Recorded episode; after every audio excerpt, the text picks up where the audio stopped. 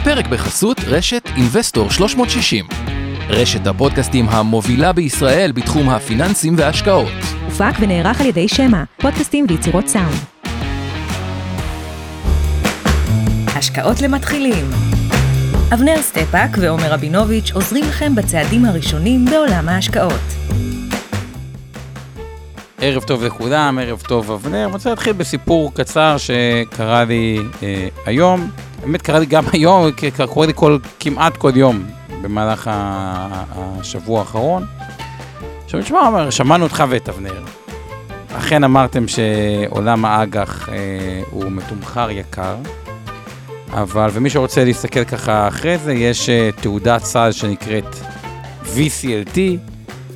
בגדול אתם לא חייבים אה, להסתכל, אבל זה אג"חים לטווח, נקרא לזה, אה, יחסית ארוך של חברות. שהיה אמור לתת משהו כמו איזה 3% בשנה, אולי טיפה יותר, ומתחילת השנה הוא נפל 25%. עוד פעם, הוא היה צריך לתת 3% בשנה, בממוצע, והוא נפל ב-25% השנה, שזה 25 אחוזים, שזה, חלק יקראו לזה מרחץ דמים, חלק יקראו לזה שחיטה, חלק יקראו לזה סתם הפתעה, חלק, אפשר לתת לזה הרבה שמות, אבל... זה חוב, זה בהחלט אה, צניחה חופשית, צריך להגיד כן. בכנות. חלק מרגישים מרומים, הרבה דברים כאילו, ואמרו לי, איך בדיוק הדבר הזה קורה? כאילו, מה, זה אג"ח, למרות התשואה יציבה של 3-4 אחוזים בשנה, מה זה מינוס 25 אחוזים? הבנו, היה קצת יקר, אוקיי, יורד, 5 אחוז, 10 אחוז, 3 אחוז, אבל רבע מהכסף נמחק, ובשישה חודשים, זה מה שהיינו צריכים להרוויח במשך שמונה שנים מאותה דבר. ואמרתי שזה נושא באמת נורא מעניין, אה, ואבנר הסכים איתי אה, אה, לפודקאסט הזה, ובואו נסביר קודם כל איך זה קורה, והאם כבר נוצרה הזדמנות, כי סך הכל היינו הרבה זמן בהטפה, תשקיעו באג"ח, או זהירות, האג"ח הוא מתומחר מאוד גבוה, והאם ירידה כל כך גדולה היא באמת כבר משקפת את ההזדמנות, כן או לא. אבל לפני שנעשה את זה, בואו נדבר על הבסיס, איך זה קורה. בואו נתחיל, יש איזה כמה פרמטרים כשאנחנו מדברים על אג"חים, למה הם עולים מאוד מאוד ח... בצורה חדה, ולמה הם אה, אה, יורדים, מעבר לכל דבר שכמו שוק, זה היצע וביקוש. אז כדי להסביר את זה, בואו נבין רגע אה, איך בנק עובד, ואז נשליך את זה על שוק האג"ח. אז לבנק יש עלות אשראי, שהפקדונות הן באפס, אז עלות הכסף שלו היא קרובה לאפס, ואז נגיד הוא רוצה לשמור על מרווח אשראי, להרוויח נטו 2% לשנה, תחשבו כמו תיק מנוהל כזה, שהוא עושה 2% בשנה, אבל הוא אומר בכל זאת איזה חצי אחוז מהחברות, או 0.4 לא יחזירו לי את כל הכסף, אז הוא קובע את הריבית 2.4, ואז הבנק אמור להרוויח 2% נטו. עכשיו, הריבית עלתה ל-2%. אז הבנק על פניו היה צריך להעלות את הריבית ל-4.4 4 אחוז. כלומר, אוקיי, עלות הכסף שלו היא כבר לא 2 אחוז, היא כבר לא 0, היא 2 אחוז. אז הוא אומר, רגע, אני אה, רוצה לשמור על המרווח שלי שהוא 2 אחוז. עדיין 0.4 מהחברות, על פניו, אה, זה היה התחזית שלו, שאותו רגע, אז הוא אומר את 4.4, אבל פתאום הוא לא נותן ב-4.4. הוא מאוד מאוד מאוד מאוד יקר את הריבית, גם חלק רואים את זה בתחום המשכנתאות, כאילו נכנסו להלם, איך זה קורה. כי אז הוא בא ואומר עוד דבר, רגע, רגע, רגע. אחד, כשמישהו לקח ממני הלוואה ב-2.4, הסיכוי שהוא יחזיר לי את החוב הוא נורא גדול, כי זו ריבית נורא זולה.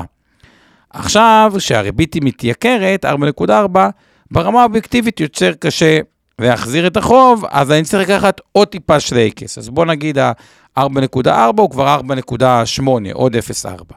אבל אומרים, רגע, רגע, רגע. הסיבה שהריביות עולות, היא כי יש אינפלציה מאוד מאוד גבוהה, וכדי שהעסקים ימשיכו לתפקד באותה צורה כמו מקודם, הם צריכים להצליח להתאים את המודל העסקי שלהם, כי אנחנו יודעים, עובדים עולים יותר כסף. זה ברור לכולם, כל מי שרואים את זה הרבה סטטיסטיקות, שהשכר יתייקר. עכשיו העסק גם צריך לגלגל את העלות הזאת איכשהי הלאה. ואומרים, רגע, אנחנו לא יודעים אם העסק יצליח לגלגל את העלות הזאת הלאה, ואז השולי רווח שלו ייפגעו, ואז העסק עצמו הוא יותר מסוכן. אז זה לא רק שהוא משלם ריבית יותר גבוהה, גם העסק יותר מסוכן. אז פתאום מ-4.8 כזה, עוד נוסיף עוד איזה חצי אחוז, אנחנו ב-5.3.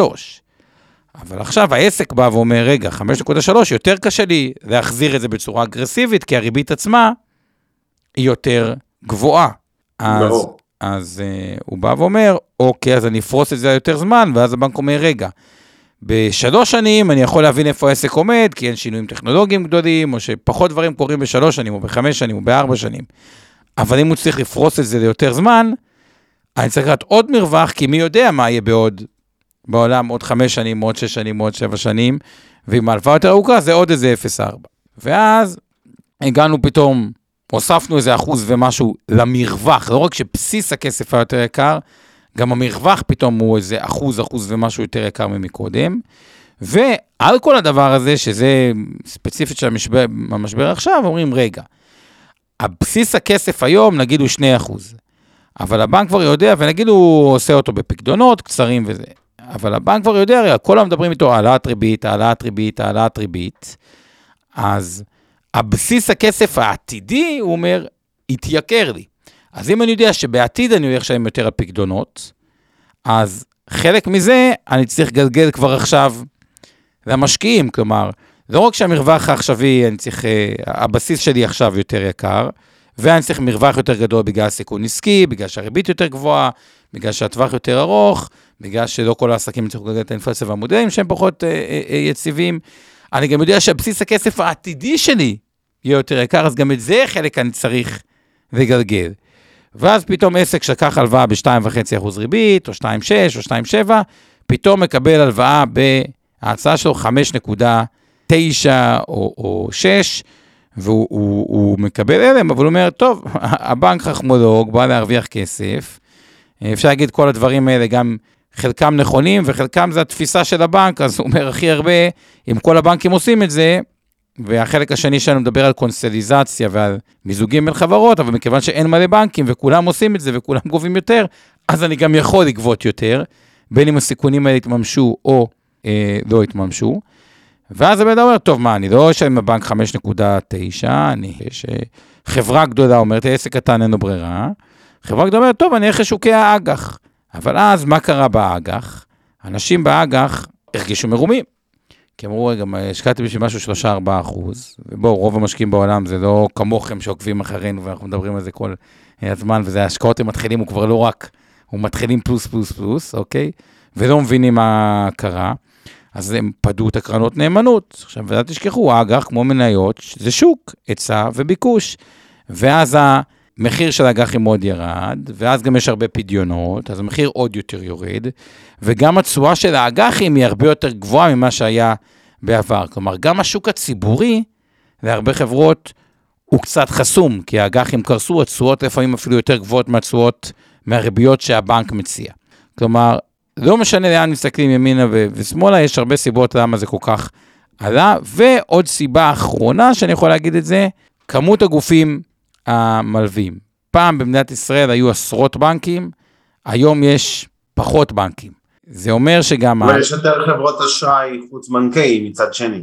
נכון, וזה עדיין טיפה בים, אבל גם אותו דבר, אשרות חברת אשראי חוץ-בנקאי עלות המרווח שלהם, כאילו הבסיס הכסף שלהם יותר יקר, המרווח שלהם יקר, הם גם רוצות סיכון העסקי, סיכון הריבית, סיכון המח"מ, והן לוקחות עוד אקסטרה, כי נגיד גוף חוץ-בנקאי לקח בעבר 9% מהלקוח שלו, כשהריבית הייתה 0, אה, והריבית סתם נתן 2, הוא לא ייקח 11, הוא לפעמים ייקח 12.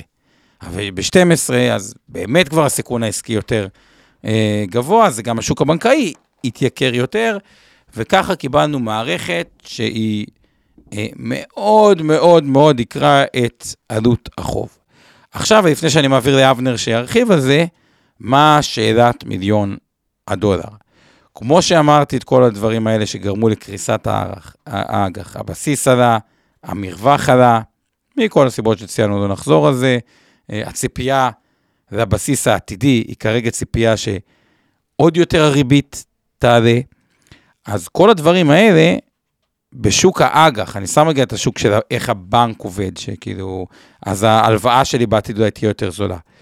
כשהדברים האלה מתחלפים ואומרים, רגע, רגע, רגע, הריבית עכשיו לא תעלה, אולי הריבית תרד, אולי יהיה התייצבות באינפלציה, אז כל אותם דברים הופכים להיות הפוכים, ואז יש עליות מאוד חזקות באח. נשאלת השאלה היא, מתי כאילו התופעה הזאת של הבסיס, כאילו, ההתייקרות של הכסף ל...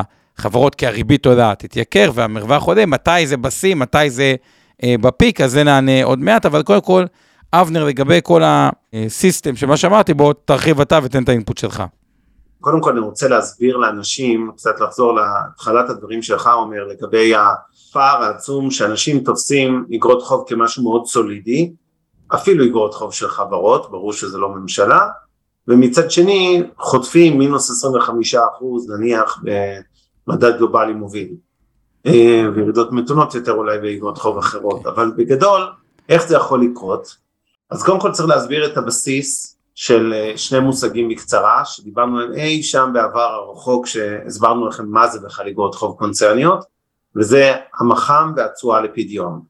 מח"מ זה משך חיים ממוצע, זה בעצם לכמה שנים בממוצע איגרת החוב הזו קיימת, בדיוק כמו שמשכנתה שנלקחת ל-30 שנה בשיטת שפיצר המח"מ שלה הוא בערך חצי מהתקופה הזו, כלומר 15 שנים, זה המשך חיים שעד שאתם מחזירים בממוצע את כל ההלוואה, כי חלק אתם מחזירים היום, חלק רק בעוד 30 שנה, בממוצע החזרתם אותה תוך 15.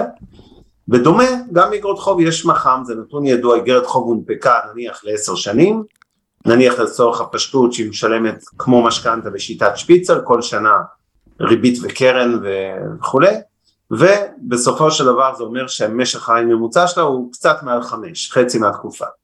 ככל שהמח"מ הוא ארוך יותר, כלומר איגרת החוב הונפקה לטווח ארוך יותר, היא גם תנודתית יותר.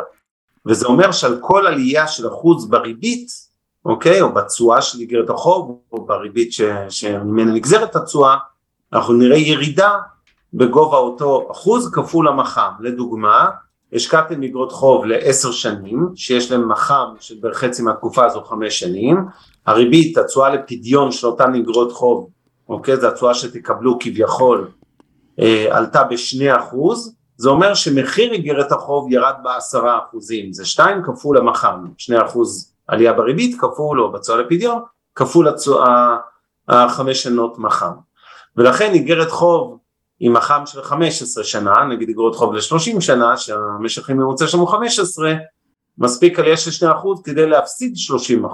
עכשיו אם העלייה בתשואה היא יותר מ-2% אז כמובן הירידה תהיה הרבה יותר חדה. כלומר, רוצה לומר ש... אגרות חוב קונצרניות במצבים משבריים או במצבים של עליות ריבית יכולות לפעמים להתנהג אה, לא מאוד שונה ממניות, אתם חושבים שזו השקעה מאוד סולידית ובעצם מגלים שקיבלתם במרכאות בדלת האחורית חצי או שלושת רבעי מניה. אז זה קודם כל להבין, ומה שאנחנו רואים בחודשים האחרונים, אה, אותו תהליך של עלייה בשנה ומשהו האחרונות, בדיוק עלייה בריבית של הבנקים המרכזיים, שגרמה לעלייה בתשואות לפדיון, של אגרות החוב, כי היא נגזרת בסוף גם מהריביות של הבנקים.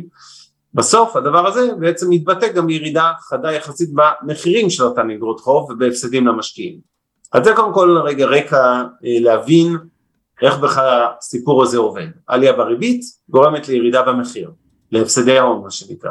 עכשיו, היא לא תמיד אחד לאחד, זאת אומרת ריבית בנק ישראל או הפד האמריקאי כמובן ריבית לטווח קצר, זה לא ריבית ל-10, 20, 30 שנה אלא ריבית מיידית ולכן לפעמים אנחנו רואים שאין קורלציה של אחד לאחד בין הריבית לטווח ארוך לריבית לטווח קצר, יכול להיות שבנק ישראל יעלה את הריבית בעוד אחוז או שניים מהרמה הנוכחית שלה, היום בשני אחוז, נניח שהוא יעלה אותה לארבעה אחוזים בשיא, ולא יודע, סוף שנה הבאה לדוגמה, אם נגיע לארבעה אחוז ריבית זה לא אומר שגם באגרות חוב נניח לעשר שנים התשואה לפדיון תקפוץ בהתאמה בשני אחוזים, כלומר בהחלט יכול להיות מצב שהתשואה לפדיון תעלה ביותר משני אחוזים או בפחות משני אחוזים שהנגיד העלה את הריבית, זה תלוי מאוד במה יהיה הציפיות, ככל שיהיה פחד בשווקים שאנחנו רק עוד בהתחלה מטפסים במעלה הריביות והנגידים הולכים לעלות עוד הרבה, ככל שהאינפלציה לא תחבר, הרי אתם צריכים להבין שלאות הריבית זה בין המטף לשריפת האינפלציה, אוקיי? זה נגידים מכבים את האינפלציה. ככל שהנגידים יחשבו שנראה נתונים, נטע דיוק, שהאינפלציה לא נרגעת, אז הצפי של השווקים לעליית הריבית רק יגדל, ואז אנשים יגידו, רגע, זה הגיע ל-4% כבר אולי ריבית בנק ישראל, אבל זה הולך להיות עוד יותר גרוע, ואז אנחנו עלולים לראות מצב שהתשואות לפדיון מאגרות החוב הקונצרניות, וכנראה באמצע גם הממשלתיות, יעלו בשיעור חד, זה אומר שהמחירים שלהם ימשיכו לצנוח נקרא לזה ככה מעבר לירידות שנתנו, עומר נתן כדוגמה. בסיטואציה הזאת השאלה האם היום, צריך לשאול את זה בכל זמן כמובן, עד כמה התשואות לפדיון הנוכחיות באגרות החוב הקונצרניות הופכות את זה לאפיק השקעה מספיק אטרקטיבי כרגע, או שאנחנו צפויים להמשיך לראות האם זה כבר מתומחר? בדיוק. מה שאבנר אומר במילים אחרות, האם זה מתומחר או, לא מתומחר בתוכו? אז אולי אמרת משהו שהוא נורא חשוב, זה, כי הרבה אומרים לי, רגע, עומר, תסבירו לי אתה ואבנר, אם הריבית עולה באחוז, בהכרח, בהכרח, ונגיד יש לי אג"ח ארוך לעשר שנים, בהכרח האג"ח ירד בעשרה אחוז, אז ממש ממש לא. יכול להיות שהוא לא יורד בכלל, יכול להיות שהוא ירד, יכול להיות שהוא יעלה, זה הכל, כי חלק מזה כבר מגולם. אוקיי, מה הפרמטרים המרכזיים שעוד פעם מגלמים? זה, אחד, אוקיי, יש מה מגולם כבר לגבי בסיס הכסף, ככל שחושבים שיעלו את הריבית מהר יותר, כבר היום, לא מחכים להעלאת הריבית, כבר היום השוק מעניש ומוריד, כי הם אומרים, רגע, מחר יהיה יקר יותר ללוות, אז כבר היום תשואת האג"ח עולה, ויש את כמה מתוך הדבר הזה מגולם, כן או לא. ושתיים, לגבי המרווח, שהמרווח הוא, חלק גדול ממנו זה אומר סיכון עסקי.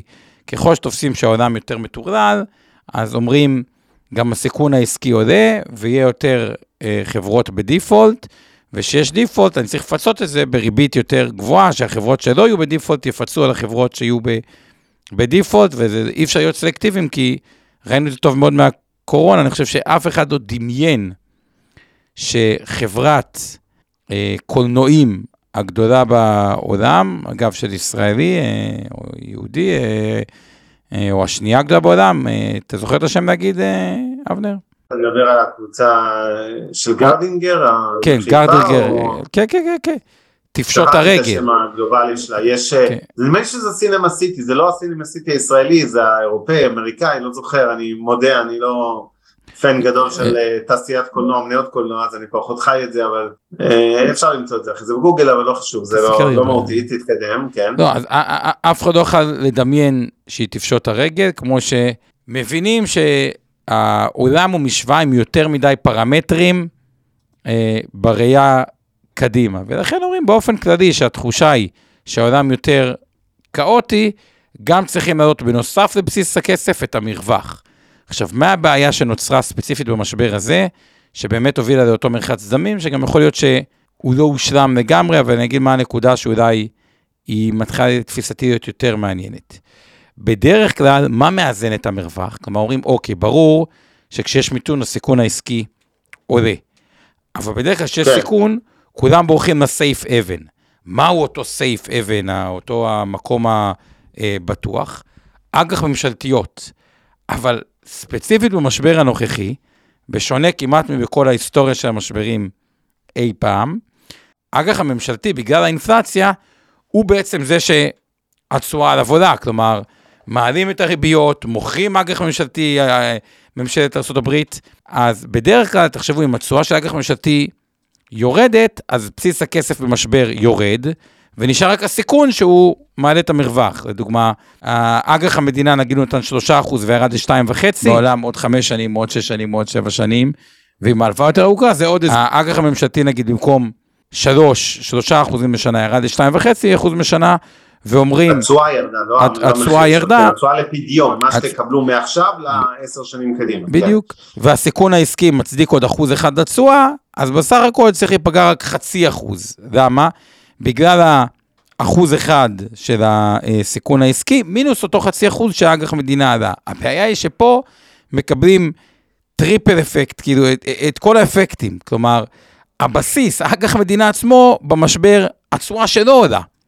ואז יש את המרווח שהוא עולה, ואז זה, בדרך כלל אומרים מצב, תמיד אה, אה, באג"ח אומרים עד כמה יש מצב עולם נורמלי שהסבירות באמת שחברה שתפשוט הרגל היא, היא, היא שואפת לאפס, כלומר אף אחד לא חושב שחברה כמו עזריאל יכולה לפשוט את הרגל, או בנק לאומי או משהו כזה, כי, כי זה באמת חברות סופר יציבות, אבל באופן כללי, ככל שקורים יותר אירועי קיצון ממש מוזרים בעולם, נגיד כל התופעות טבע של הגשמים מאוד מאוד חזקים, קחו ב... ב צפון אירופה, כמו גרמניה לדוגמה, או חברה נגיד שגם במשך 100 שנה הרוויחה כסף בגרמניה מהייצור.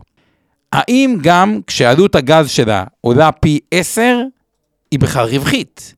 אז כאילו, זה לא סתם, הסביר, המלחמות, או, או מזגי אוויר סופר קיצוניים, או אה, אה, קורונה שזה בכלל ערער, העולם נסגר, הוא אומר כי באג"ח, בשונה מניות, אנחנו מסתכלים על ה-downside protection, כלומר על, על מה האפשרות שמקרה קיצון יפיל אותנו, לא על מה יכול לקרות טוב.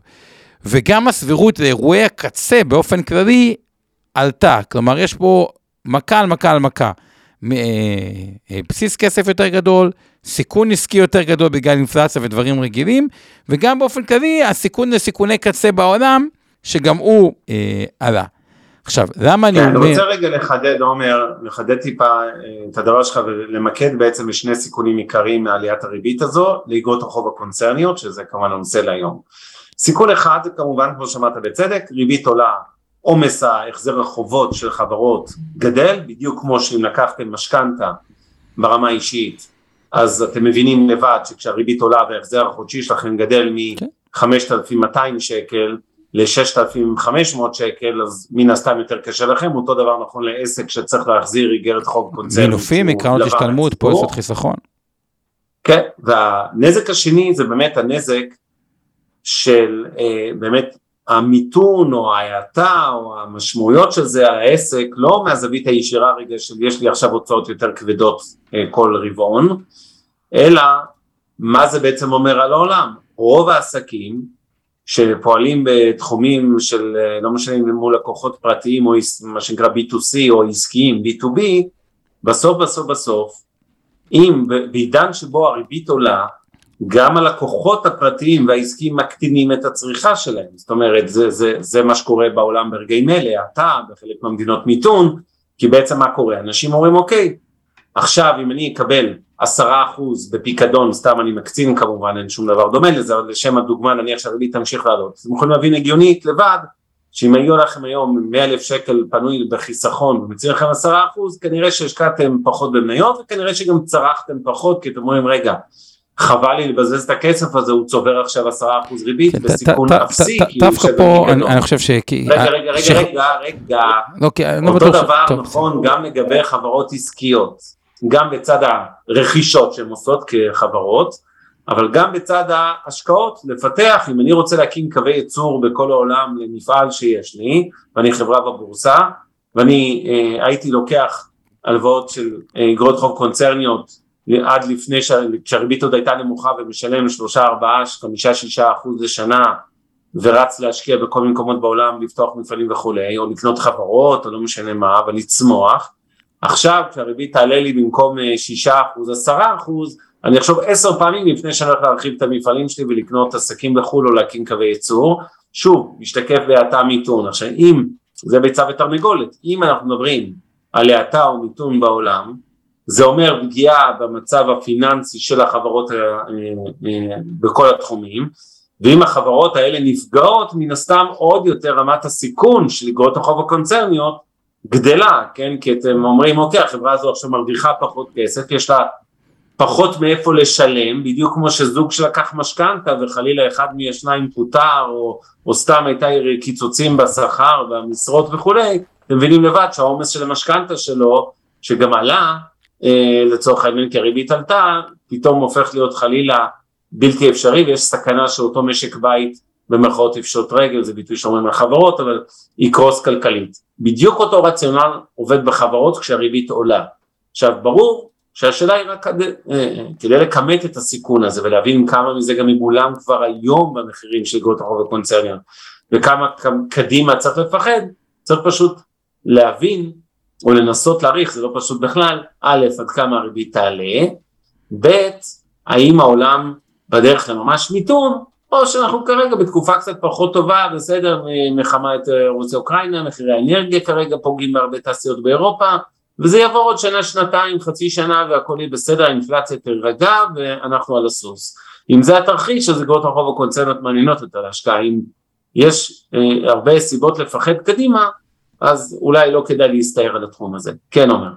אז בהמשך למה שאבנר אמר, דבר אחד שאני לא מאה אחוז מסכים, אבל בוא נפתח את זה רגע לדיון אבנר אה, בינינו. שמקבלים על ריבית עשרה אחוזים, אה, אני חושב שזה לאו דווקא בן אדם שיש לו 100 אלף שקל, יחשוב על להוציא פחות. כי רוב האנשים, רוב האנשים הם יותר לובים. שכבת האנשים שיש שם המון כסף בפקדונות היא קטנה, ודווקא מישהו לריבית 10, אז הוא אומר, וואלה, עכשיו דווקא אולי יש יותר כסף לבזבז, למרות שהם לא מבזבזים יותר כי יש שם מספיק כסף. הצד שהרבה יותר רגיש, או רוב החברות בבורסה, או רוב ה... מי שצורך, רוב הצריכה בעולם היא על ידי מעמד הביניים. היא לא על ידי השלושה, ארבעה אחוזים העליונים שמחזיקים את הכסף.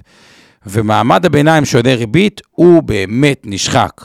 כי הוא לקח משכנתה לדירה, עלה, לקח השלמת כסף מהקרן השתלמות, פועלת חיסכון, עלה, התייקר, יש לו פחות כסף אה, לבזבוזים, והצד השני של מי שהלווה לו, וכאילו אומר, רגע, אני עכשיו יותר עשיר, אני אותו בן אדם שהלווה לו ולא משנה, איזה, הוא מראש מצבו טוב, ולאו דווקא מעמד הביניים שהוא צורך, הוא לאו דווקא יגדיל את הצריכה, כתוצאה מזה שהוא מקבל אה, יותר, אני גם חושב שהוא יפחית את הצריכה, כי, כי הוא מקבל יותר אה, ריביות, אבל זה בעיקר אה, פוגע בכיסו של הצרכן, שיש לו הרבה פחות כסף לבזבז. עכשיו, למה אני, יש בי את החשד להאמין, אגב, זה גם יכול לגבי מניות, אבל שלא בטוח שאנחנו עדיין, זה מתחיל להיות מעניין, אבל שאפשר לראות עוד את ה...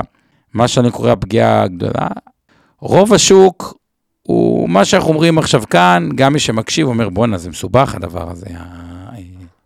האג"ח, יש בסיס הכסף, שהוא מתייקר, ומרווח, והמרווח מכמה פרמטרים הוא מושקע, הוא מושפע מסיכוני קצה וסיכונים עסקיים ודברים כאלה, זה, זה 70 אחוז ברור לו. מה שכן, כשהוא יקבל את ה statement סוף שנה שלו, או את החצי שנתי, הרוב בדואר, בדואר גם לא תמיד מסתכלים, ופתאום יראה את גודל הירידה בתיק השקעות שלו, שהוא חשב שיש בו מרכיב מנייתי, ש... אז הוא אומר, אוקיי, אני סתם דוגמה, 40 אחוז מניות, זה ירד 20 אחוז, בסדר, פה ירדתי 8 אחוז. אבל פתאום גם במרכיב האג"חי, הוא גם יראה את הפגיעה הזאתי, הוא פתאום, ביטחונו יעורער, ואז תמיד יכול להיות התופעה, מה שראינו בקורונה, של הפדיונות הענקיים אה, מהקרנות נאמנות, כמו שזה יש בארץ, יש גם בעולם. בארץ בכלל לא ראינו את זה. צריך להגיד בצדק מסוים, כי מצב הכלכלה הישראלי הוא באמת טוב מאוד. מצוין. בעולם כבר זה קצת התחיל, אבל זה עוד לא, לא ראיתי פה את הנושא של, ה, אה, של הפאניקה. בדרך כלל, אם יש פאניקה, אז ברור שזו הזדמנות טובה, אבל שם המשחק זה האם אני מחכה לפאניקה שאולי תגיע ואולי לא תגיע, ורוב הפעמים, אגב, היא לא מגיעה, וצריך להתחיל אה, אה, אה, להבין מתי, נקודה שזה כבר מעניין. אפשר להגיד שיש הרבה מאוד אג"חים של חברות טובות לטווח בינוני היום הברית, שכבר נותנות כמעט 6 אחוזים, וכאילו, להרבה אנשים והרבה אומרים שעם דווקא הון גדול, אומר וואלה, לקבע עכשיו תשואה של חמישה וחצי או שישה אחוזים במה שבטוח, היא הצעה שכבר שנים לא היה לחלק גם מהמוסדיים, שזה הכסף המוסדי, שהוא רוכש חלק מאותו, אה, מאותם אה, מכירות, וגם בפרטים יותר איינט אינדיבידואל, מה שנקרא, עם יותר כסף. עכשיו, אבנר, אני מציע שבוא תיתן את מה שזה, אבל מתי כן אפשר להתחיל להרגיש, רגע, וואו, הבנו, הבנתי שבסיס הכסף עליי, הבנתי שזה, אבל גם הפיקדון לא מרוויח הרבה. מתי זה כבר מתחיל להיות מעניין? אז בוא תיתן קצת את הדעה שלך, אחרי זה אני אוסיף את שלי, או בכלל תוסיף מה שנראה לך. באופן טבעי, נקודות הפיתול נקרא לזה, קצת כמו בשוק המניות, גם בשוק האג"ח הקונצרני, הרבה פעמים אנחנו רוצים לעבוד קצת הפוך על הפוך, אוקיי? כש, כמו שקבע אמר המשפט הידוע, כשזורם דם ברחובות אז אתה רוצה להשקיע במניות, באופן קצת דומה באג"ח הקונצרני, אבל השאלה אם אנחנו שם, האם זה, זה המצב, אמרת בצדק, ישראל שוק חזק, גם שוק האג"ח אגב חזק, גם המשק במצב מצוין יחסית לעולם ולצרותיו, ואז השאלה האם זה הזמן כבר מצד אחד, כאילו, האם צריך להמשיך לפחד מהמשך תהליך עליית הריבית וכל מה שקורה בעולם ולהיבהל מאג"ח קונצרני עכשיו, או מצד שני האם זו באמת הזדמנות. אז אני אגיד שהזדמנות זה בטח לא, כי יש עדיין סיכונים משמעותיים, נכון שבשונה משוק המניות שבו הקורלציה היא ממש מובהקת, כלומר כשנסדק אה, קורס אה, או איזשהו שוק אחר אז בטווח הקצר בוודאי הבורסה בתל אביב תרד יחד איתו ברמת מתאם מאוד אה, גבוהה. בשוק איגרות החוב הקונצרניות הישראלי הקורלציה יותר נמוכה עם שוק הקונצרני הגלובלי, זאת אומרת יש קשר אבל הוא קצת פחות הדוק מאשר בשוק המניות. אה, אז יכול להיות מצב שיהיו צרות בהרבה מאוד מדינות אה, בחו"ל, אה, ששוק איגרות החוב הקונצרניות שלהם יצלול הרבה יותר, זה גם מה שקרה בדיעבד בהרבה מדינות לעומת ישראל, ויכול להיות שזה גם ימשיך כך. אבל אני אגיד ככה, יש עדיין בפירוש סיכונים, צריך לזכור ששוק הדירות החוב הקונצרני התחיל מראש ממקום לא מאוזן, זאת אומרת אם היינו מדברים לפני שנה, כמעט בכל שלב ב-2021 נניח, היינו, בוא נגיד לא מעטים היו מגדירים אותו אפילו כבועה, ואם לא בועה אז שוק יקר מאוד, כי התשואות היו באמת עלובות, זאת אומרת אגרות חוב ארוכות של חברות, אתן דוגמה אפילו שלי של מיטב, הלוואות שאנחנו לקחנו ממשקיעים כאיגרת חוב, אה, לעשר שנים היינו אה, משלמים באזור השני אחוז וזה לא צמוד למדד, זה לא תשואה כאילו, כל כך... הם, אה, הם, כן, הם שילמו תשואה ריאלית שלילית, כאילו פחות מאפס צמוד. זה ברור, אבל בוא נניח שאפילו לא ידענו אז, עוד לא הייתה את ההתפרצות האינפלציונית, אפילו בעידן שהאינפלציה הייתה יותר קרובה לאפס, עדיין התשואה הריאלית הייתה מאוד נמוכה, והתשואה האבסולוטית של 2% לשנה לעשר שנים לא, לא היה בהכרח איזה תשואה מזהירה, וזה היה ככה כל השוק, אני אתן דוגמה מעצמי, זה לא שכן הייתי קונה אגרות חוב של בזק, שטראוס או כל חברה אחרת, חברות נדל"ן, הכל היה יקר. והתשואות היו מאוד נמוכות. קצת מזכיר אגב את מה שקורה בשוק הנדל"ן, מחירים יקרים והתשואות השוטפות משכירות נמוכות וזה המקבילה במרכאות קצת לתשואה שלכם באיגרת חוב. עכשיו בסופו של דבר כרגע הבעיה המרכזית בשוק איגרות החוב באמת זה לא זה לא שיש סיכון מיידי לסקטורים, יש מדינות בעולם שהייתם שואלים אותי על סין, על איטליה, על כל מיני מקומות, הייתי מסביר לכם, תראו בסין יש בעיה בבנקים, ויש בעיה בחברות הנדל"ן, וצריך להיזהר. בארץ אני פחות רואה את הסיכון הסקטוריאלי הזה שאני אגיד לכם תשמעו יש פה הענף הזה והזה הוא מאוד מסוכן תיזהרו ממנו. מטבע הדברים ענף הנדל"ן אולי טיפה יותר מסוכן מענפים אחרים אבל, אבל אני גם לא באיזה היסטריה של לחץ מאגרות חוב קונצרניות של ענף הנדל"ן. מצד שני, למרות שראינו עלייה בתשואות, ירידות במחירים ועלייה בתשואות לפדיון, מה שאתם מקבלים קדימה, כשאתם קונים היום איגרת חוב קונצרנית נניח לשלוש או שבע שנים, עדיין לא מדובר במספרים דרמטיים, ואם ננקה אינפלציה, ונניח שלא ניקח את השיעור האינפלציה של השנה האחרונה, כי נגיד שהוא מוגזם לכיוון העליון, וניקח סתם אה, ממוצע של שני אחוז לשנה, נניח שאנחנו מסתכלים חמש או עשר שנים קדימה ונניח שהאינפלציה תירגע עם ודאות, או נניח שהיא תירגע, היא לא תחזור לאפס והיא תהיה לדוגמה שני אחוז, אז התשואה הריאלית היום באגרות רוב הקונצרניות, תלוי כמובן בדירוגים שלהם וכולי, ולאיזה תקופה, אבל היא תהיה אפסית בכל מקרה. כלומר זה לא הרבה יותר מכלי תאורטית לשימור הכסף נקרא לזה ככה, רווחים גדולים כנראה לא יגיעו מאגרות החוב הקונצרניות. באיזה תרחיש כן יכול להיות היפוך מגמה דרמטי?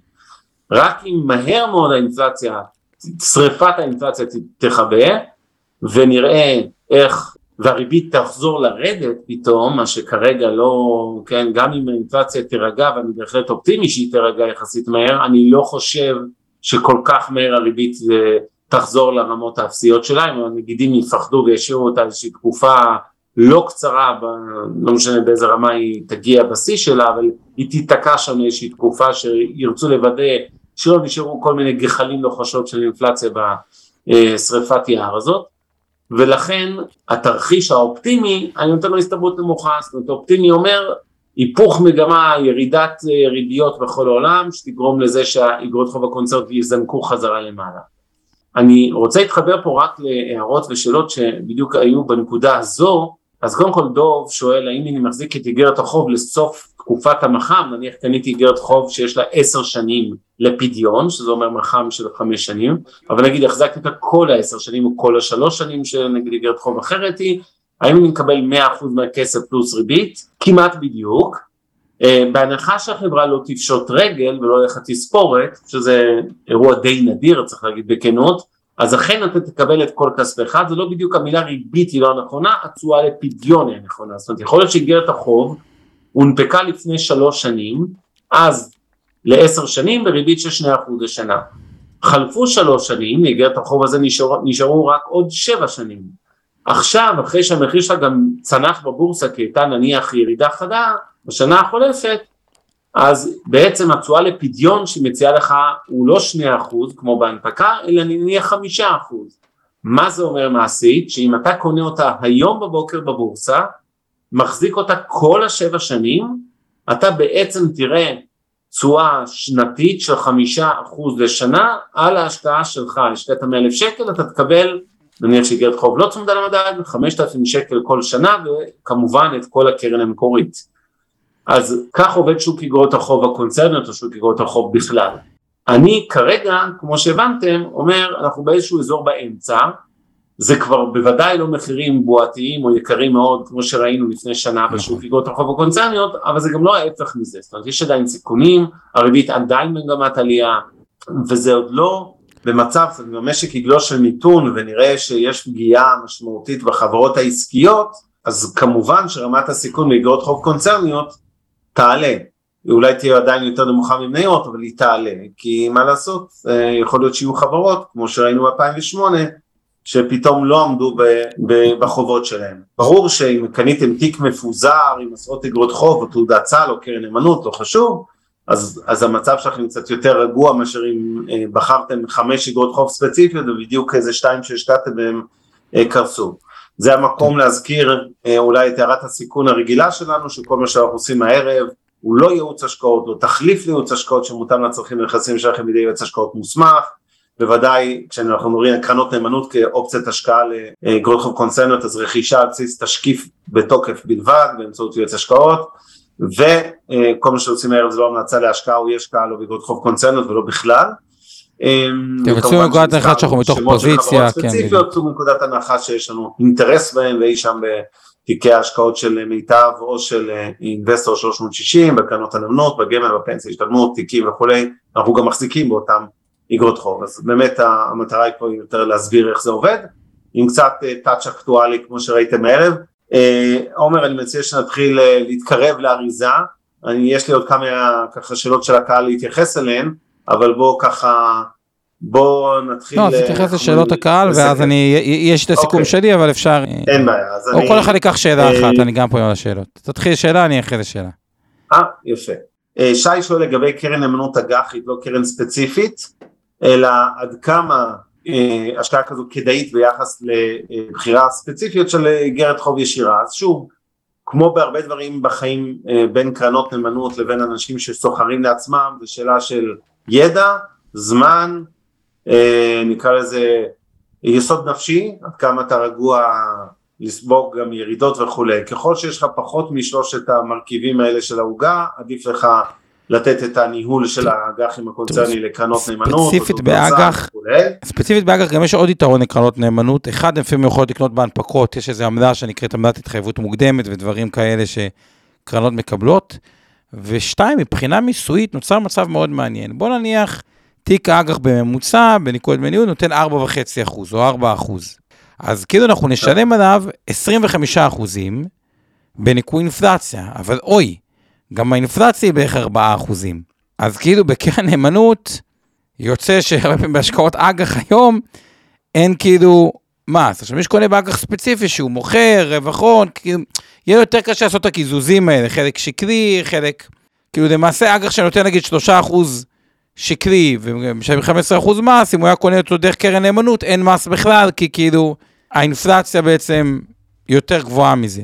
אני רק אוסיף שקרנות נאמנות, יש מעל 100 קרנות שמתמחות באגרות חוב קונצרניות, יש באמת לכמעט כל מזג אוויר ולכל מצב, אתם יכולים לבחור קרן או תעודת סל שמתמחה באגרות חוב בדירוג X, double A ומעלה, שזה אגרות חוב יחסית נחשבות מאוד סולידיות, אתם יכולים לבחור באגרות חוב junk bonds מה שקוראים, אג"ח זבל, או high yield מה שנקרא, שזה אגרות חוב הפוך, בסיכון מאוד גבוה, יש את כל המבחר. כן, לגבי שאלתך על מח"מ קבוע, אז לא, אה, בדרך כלל לקרנות נאמנות יש, יש גם פה ושם חריגים שהם כן מתחייבים למח"מ של XYZ, אבל רוב הקרנות כן יש להם איזשהו, נקרא לזה חופש פעולה לגבי המח"מ, וכשהן חושבות שכרגע כדאי לקצר את המח"מ, כלומר למכור אגרות חוב ארוכות ולהשקיע יותר באגרות חוב קצרות או בינוניות, אז הן עושות את זה והפוך. אז יש, בדרך כלל זה מרכיב יותר גמיש, מה שיותר אה, קבוע זה רמת הסיכון של אגרות החוב כפונקציה של הדירוג שלהם. יש קרנות שממש מתחייבות, אנחנו משקיעים לפחות 75% באגרות חוב קונצרניות מדירוג X. אה, זהו. רבית שואלת, איך בוחרים אה, אג"ח קונצרני טוב? האם לפי המניה של אותה חברה? האם יש קשר בין תשואת המניה לתשואת אגרות החוב? ומה הם הקריטריונים לבדיקה? אז אני אגיד, זו שאלה מעולה ממש. אה, יש כמובן קשר, אבל צריך להיזהר. כי בסופו של דבר, יש, יכול להיות חברה איומה ונוראה שלא הייתי מתקרב למניה שלה בכלל, אבל אם לדוגמה יש לי ביטחונות טובים, כי החברה שיעבדה לי איזשהו אה, נכס נדל"ני ששווה 200 מיליון שקל מול איגרת חוב שהיקף הסדרה הוא 70 מיליון שקל, כנראה שנסכים שזה יכול להיות איגרת חוב מדהימה, בזמן שהמניה לא משהו. ניתן סתם דוגמה אינטואיטיבית לכולכם, בזמנו היה גל של איגרות חוב של מוניציפליות, מה שנקרא בישראל עיריות, היו מגייסות כסף אה, מהציבור אה, כאיגרת חוב, ולאורך שנים אחת האגרות חוב עם הדירוג הכי גבוה הייתה זו של רמלה, אוקיי? ואתם אומרים אינטואיטיבית, רמלה מכל הערים בישראל, יש כנראה כמה ערים מצב, אבל מה, ברמלה שיעבדו את התזרים של הארנונה של נשר רמלה, שזה לבד אה, אה, ארנונה עצומה, אז פתאום יכול להיות של עיר שהיא לא, או חברה שהיא לא במצב פיננסי מהכי טובים, איגרת החוב שלה היא דווקא השקעה פנטסטית, אבל אלה דוגמאות בדרך הפחות מזאת כן יש קשר, זאת אומרת ברוב המקרים, במיוחד שבהרבה מאוד מאגרות החוב אין ביטחונות, החברה לא באמת ברוב המקרים נותנת מגרש או שיעבוד ארנונה של אה, נשר רמלה או דברים אחרים כביטחון, אלא היא אומרת באופן כללי אתם נושים של החברה, אתם כמובן קודמים לבעלי המניות, אבל אתם לווים, מלווים, זאת אומרת, וכמלווים תקוו שהכל יהיה בסדר.